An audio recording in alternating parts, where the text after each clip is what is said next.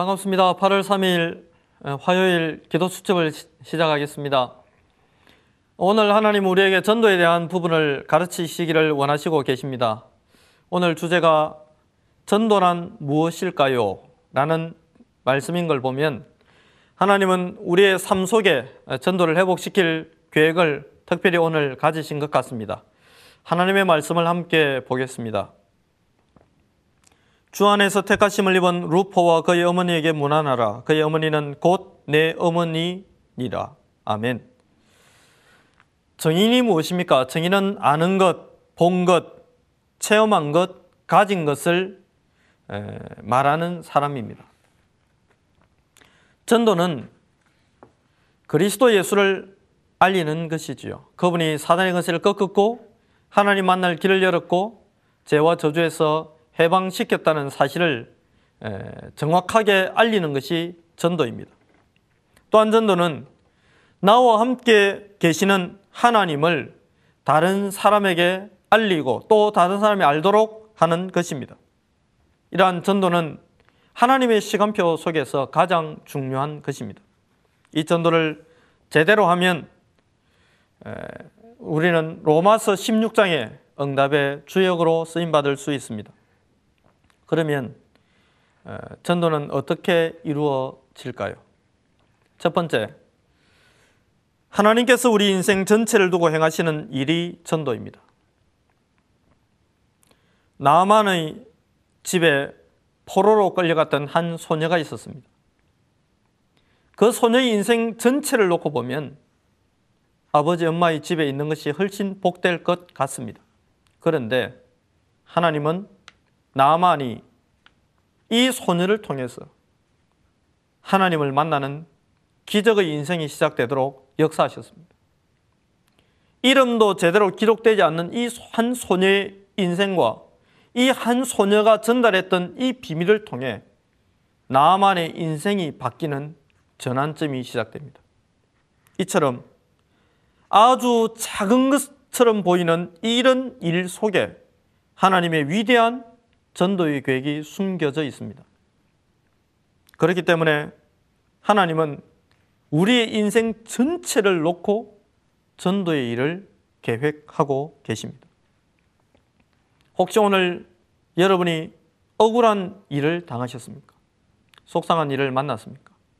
그 일과 그 사건 속에 하나님의 숨겨진 계획이 있습니다.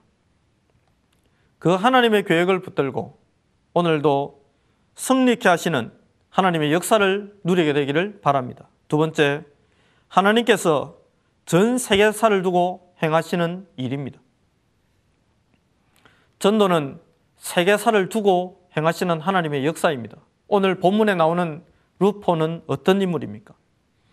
예수님께서 십자가에 피 흘리시며 십자가를 지고 골고다 언덕을 올라가실 때 그 십자가를 대신 진 사람이 구레네 사람인 시몬의 아들입니다.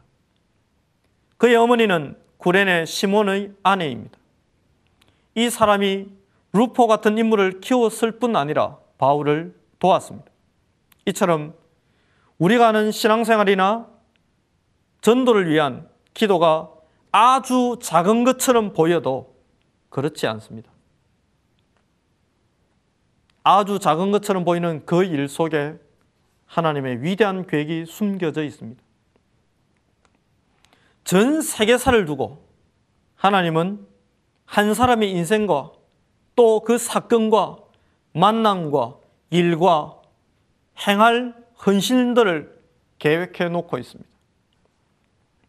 전도는 하나님이 한 사람의 인생 전체를 놓고 계획하시고 전 세계사를 두고 행하시는 하나님의 일입니다.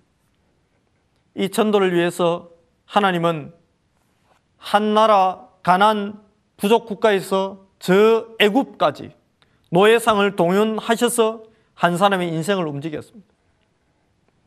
그 강대한 나라에 7년 풍년과 7년 흉년의 주기를 마련해 놓고 하나님은 세계사를 움직였습니다. 홍해 사건은 애굽의 역사에 남을 만한 응답으로 기록될 수밖에 없도록 하나님은 세계사를 움직여 왔습니다. 그 세계사의 정점에 하나님의 전도 계획이 숨겨져 있습니다. 세 번째, 영원이라는 시간표를 놓고 이루시는 일이 전도입니다. 하나님은 영세전이라고 말씀하십니다. 하나님은 창세전이라고 표현하셨습니다.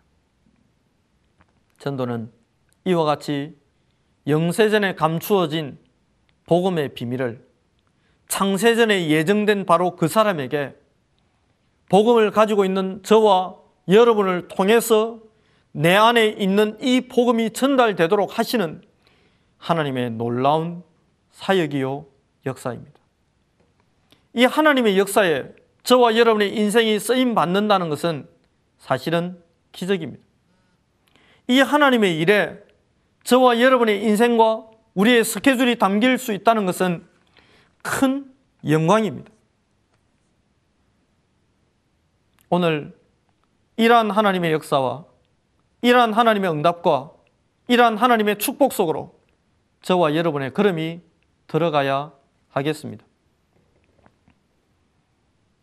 이러한 전도를 통해서 오는 응답이 진짜 응답이고 이러한 전도를 통해서 오는 축복이 영원히 남을 축복입니다.